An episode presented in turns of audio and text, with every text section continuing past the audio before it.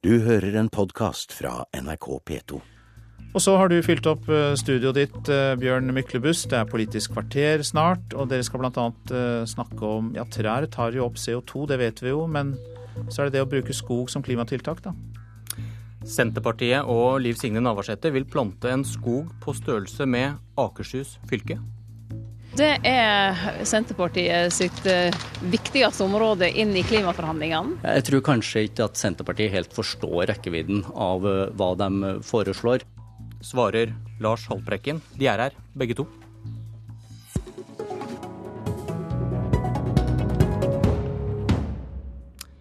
Leder i Senterpartiet, Liv Signe Navarsete. Er det viktigere å plante trær enn å kjøre mindre bil?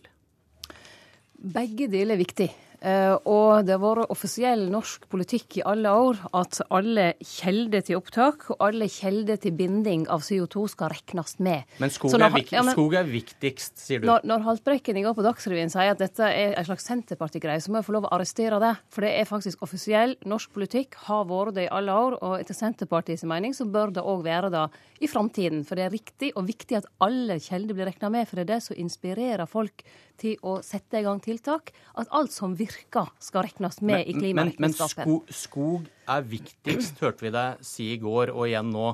Så det å plante trær og satse på skog, det er viktigere enn å kjøre mindre bil, da. Nei. For oss i, i klimaforhandlingene eh, er det for Senterpartiet viktigst å få gjennomslag for at skog skal med. Og Det betyr ikke at ikke vi skal ha klimafond, at ikke vi skal kjøre mindre bil, at ikke vi skal ha satsing på fornybar energi, at vi skal ha mer satsing på forskning og utvikling, at vi skal ha satsing på samferdsel, på bygg, på alle andre sektorer. Det står vi fullt helt bak og kommer til å kjempe for å få mest mulig ambisiøse mål på det. Men det er nok sånn at eh, skal vi få en skog, eh, så må Senterpartiet gjøre en eh, skikkelig jobb på det, og det gjør vi.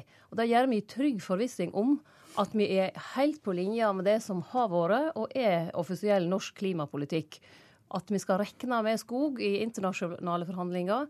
Og skogen eh, andre steder i verden er viktig, men det er òg norsk skog. Den er faktisk like viktig. Og på, i naturfagtimen så lærte jeg at den binder CO2 når den vokser. Og han Det har vi også også- slått fast her nå. og så binder han Eh, også CO2 når vi bruker tre i bygg Ja. eh, og i bioenergi, f.eks. Leder av Naturvernforbundet, Lars Haltbrekken. Hva er det Navarsete ikke helt forstår, som du sier? Først så må jeg bare si meg enig i at skog er kjempeviktig i eh, klimasammenheng. Eh, Og ny forskning viser også at vern av gammel skog for å bevare den CO2-en som skogen har tatt opp, eh, er veldig viktig. Men jeg tror nok ikke helt at man her skjønner rekkevidden av de forslagene man eh, tar opp. Og jeg tror nok at eh, et land som Norge, hvis man får eh, tatt med all CO2-binding av skog i sitt klimaregnskap, eh, kommer til å oppføre seg pent og si at dette skal komme i tillegg til eh, utslippskutt i oljeindustrien, i samferdselssektoren osv. Norge er ikke problemet i dette. Eh, Men vi ser at store skogland, som bl.a. Canada og Russland, kommer til å bruke dette som en unnskyldning for ikke å kutte sine utslipp fra bruk av kull, olje og gass. Og Derfor så er dette veldig omstridt internasjonalt. Og utviklingslandene har i mange år slåss mot dette forslaget, bl.a. fra Norge, eh, som går på å ta inn all CO2-binding. Nettopp fordi at de frykter at da får vi ikke de reduksjonene som trengs i fossil energibruk, for at store land som Canada og Russland bruker dette som en sovepute til å nå svake mål. Og da blir vel du en nyttig idiot for de store forurenserne? Det som Haltbrekken tar så inderlig feil i nå, det er at han føresetter at vi skal ha skog inn som en del av det eksisterende klimamålet.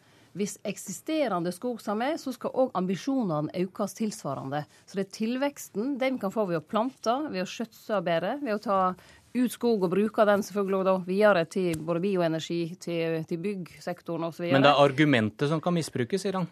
Ja, jeg hører han si det. Eh, og det er jo i så fall eh, ei, ei mistillit eh, til òg det internasjonale systemet. i den grad. Men la oss nå holde oss til Norge da, i denne sammenheng, så får vi ta de internasjonale forhandlinger i neste runde. I Norge har vi alle muligheter til å rekne inn tilveksten som vi har i norsk skog, som vil binde anslagsvis 12 eh, millioner tonn CO2. Det er like mye som hele bilparken slipper ut. Og når vi i Senterpartiet i tillegg er villige til å gjøre skikkelig grep for å få ned utslippet fra bilparken, så mener jeg at det er en vinn-vinn-situasjon. Og det er ingen som hindrer oss i Norge til å kjøre en offensiv skogpolitikk inn i vår klimamelding. Sliter hun fremdeles med å forstå? Litt, for Det er ikke Norge som er problemet her. og Norge kommer til å oppføre seg helt fint og si at dette skal komme i tillegg til våre fossile kutt. Men hvis vi ser på hva Canada, hva Russland og andre store skogland i dag faktisk sier i de internasjonale forhandlingene, så bruker de dette aktivt til å ikke kutte sine fossile utslipp. Men er det ikke, det som, men, men, men, vent litt, vent litt. Vi hadde en liten naturfagtime i stad. og Trær binder CO2, det er du enig i. Ja. Eh, så da er det viktig at man bevarer skogen som er. Det er helt riktig. Og så bør man da kanskje skille mellom ny og gammel skog for å få ned kuttene? Skog er kjempeviktig i klimasammenheng. Ja, hva er da galt med å plante mye skog? Skogen tar opp masse CO2. Jo, pga. at store skogland bruker dette som smutthull. Men hvis de også planter skog, da? At man skiller mellom ny og gammel skog? Jo, men de har ikke planer om å gjøre det. For de har planer om å la dette komme i stedet for de fossile kuttene. Og det er bare å se på hva de sier. Og det som skjedde etter toppmøtet i København, og nå også i forbindelse med toppmøtet i Durban i fjor høst, var at det som på papiret ser ut som en flott eller i hvert fall ser ut som en utslippsreduksjon fra disse landene, raskt faktisk blir en utslippsøkning når de ved hjelp av fiffige grep på kalkulatoren tar med skogen og får eh, tillatelse til å øke sine utslipp i stedet. Og det er et kjempeproblem. Men, men, for, det er jo et kjempeproblem. Men du, det er, er vi helt enige. Jeg vil ja, ikke ha den type prokuratorknip, men derifra til å si at vi Nei! Det er ikke det vi foreslår. Vi foreslår at Norge skal overoppfylle Kyoto, det har regjeringen sagt. Vi sier at vi kan overoppfylle Kyoto bl.a. gjennom en langsiktig satsing på skog. Vi sier ikke at det skal erstatte andre mål. Tvert imot. Det skal komme i tillegg til vent, litt, vent litt nå. Vent litt nå. Ja, kan det ikke være en bes... Det er jo en forlokkende tanke, da, eh, Navarsete. Ved å plante mye skog så kan vi også fortsette å kjøre bil.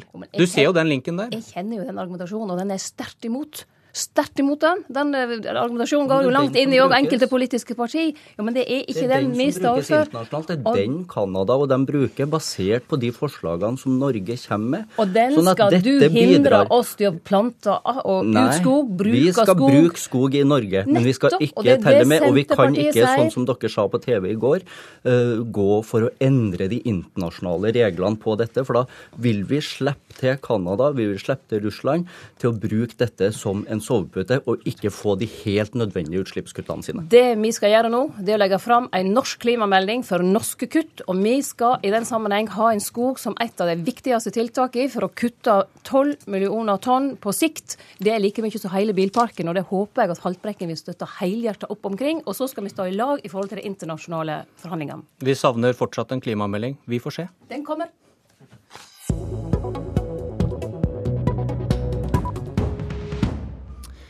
Det kan virke som om Arbeiderpartiet vil til sengs med Kristelig Folkeparti. Det er bare det at det ikke kommer til å høres sånn ut her i studio i dag. For Øyvind Håbrekke fra KrF, dere vil ha en omkamp som fører til at homofile likevel ikke skal få adoptere barn, og det blir slutt på sæddonasjon. Og hvor viktig er dette når dere skal bestemme dere for hvem dere vil samarbeide med? Nei, det, Barne- og familiepolitikken er jo viktig for KrF. Det tror jeg ingen er overraska over. Og da ønsker vi en lovgivning som eh, setter ungene eh, i sentrum. Og, og, der vi bygger opp et samfunn ut fra hva som er best for ungene. For vi tror det som er best for ungene, det er bra for samfunnet. Dere har sagt at den gamle partnerskapsloven er god nok. Men den var dere også imot. Om noen år så vil dere kanskje forsvare ekteskapsloven med nebb og klør, eller?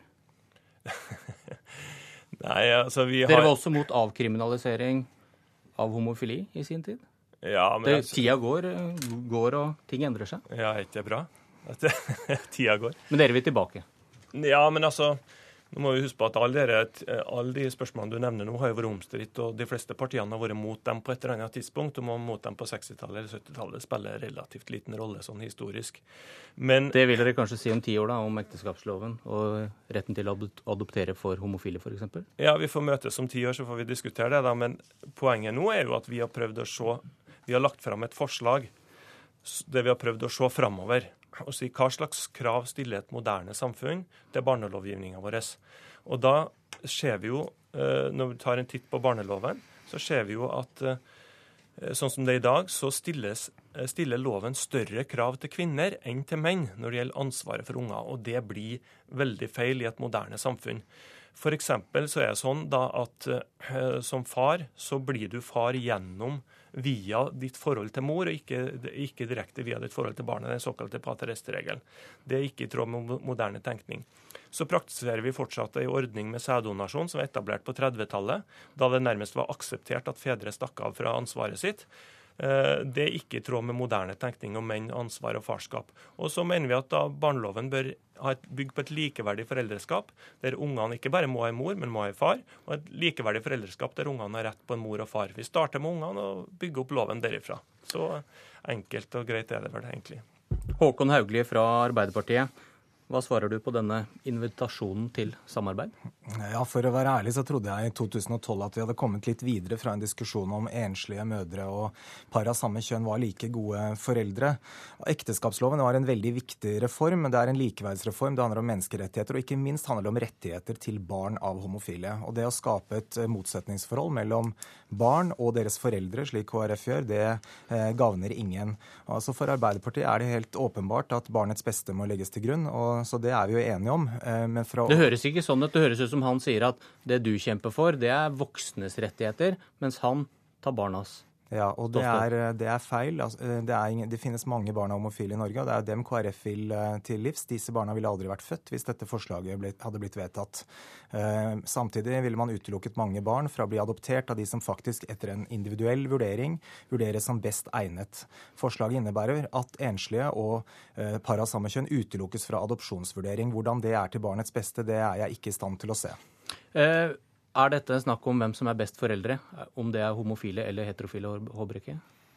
Jeg, vet, jeg tror om, om, man er homofil eller heterofil eller hvem du er, det spiller ingen rolle for hvor god omsorgsperson og god forelder du er.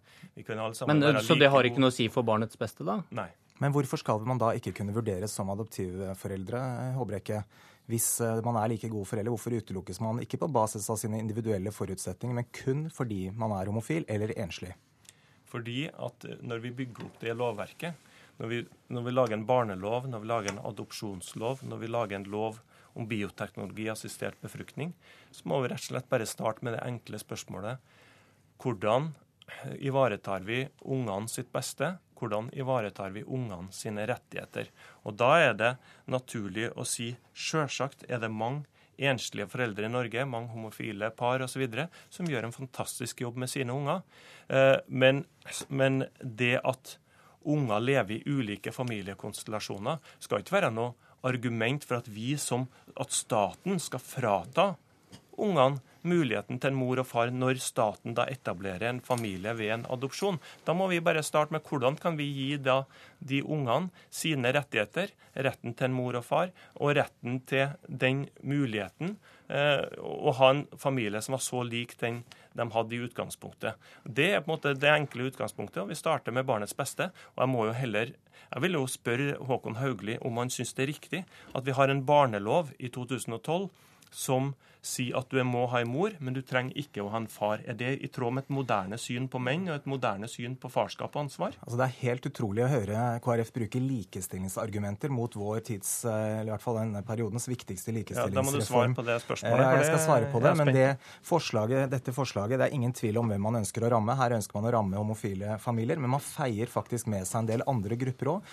Heterofile barnløse vil man nekte sæddonasjon, og enslige foreldre skal ikke kunne adoptere. Så dette handler snakker jo bare om voksne. Kan ikke du snakke, ta litt ja, utgangspunkt i ungenes beste ja. nå, så starter vi diskusjonen der? Er ikke et bedre utgangspunkt? Jo, det er et bedre utgangspunkt, og vi er uenige om det. og jeg, som sagt, jeg forstår ikke hvordan det kan være til barnets beste å A. hindre at de kommer til verden, og B. nekte i en adopsjonsvurdering å finne den familien som faktisk er best egnet til det individuelle barnet. Dette er en grunnleggende motsetning mellom Kristelig Folkeparti og Arbeiderpartiet som handler om menneskesyn. Hvem er barnets foreldre? Den cellen som var det biologiske utgangspunktet, eller, den, eller de som uh, trøster, legger om Men kvelden hvordan, og tar vare på barn og gir omsorg. Hvordan konkluderer du da, Hauglie, med utgangspunktet kan Arbeiderpartiet samarbeide tett med KrF? Vi kan samarbeide med KrF om mange saker, men eh, på familieområdet er det store motsetninger. og eh, Jeg skulle ønske KrF kunne ta inn over seg det som faktisk sies retorisk her, at man er opptatt av barnets beste, og ikke fremme kamp mot voksnes rettigheter. Håkon Haugli, Øyvind Håbrekke, takk for at dere kom til Politisk kvarter, som er slutt. Jeg heter Bjørn Myklebust. Du har hørt en podkast fra NRK P2.